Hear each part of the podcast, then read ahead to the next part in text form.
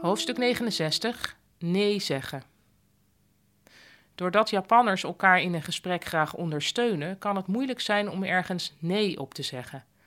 Wat als iemand voorstelt om te gaan zwemmen, maar je wil helemaal niet? Gelukkig is er in het Japans een toverformule. Als je nee bedoelt, maar je wilt niet te direct zijn, dan zeg je chotto. Chotto betekent een beetje. Ga je mee winkelen? Oeh, dat is een beetje. Belangrijk is om hierbij in de verte te kijken en je zin te laten wegsterven. Japanners kunnen trouwens wel dwingend zijn. Vaak doen ze dat op een heel glimlachende en vriendelijke manier.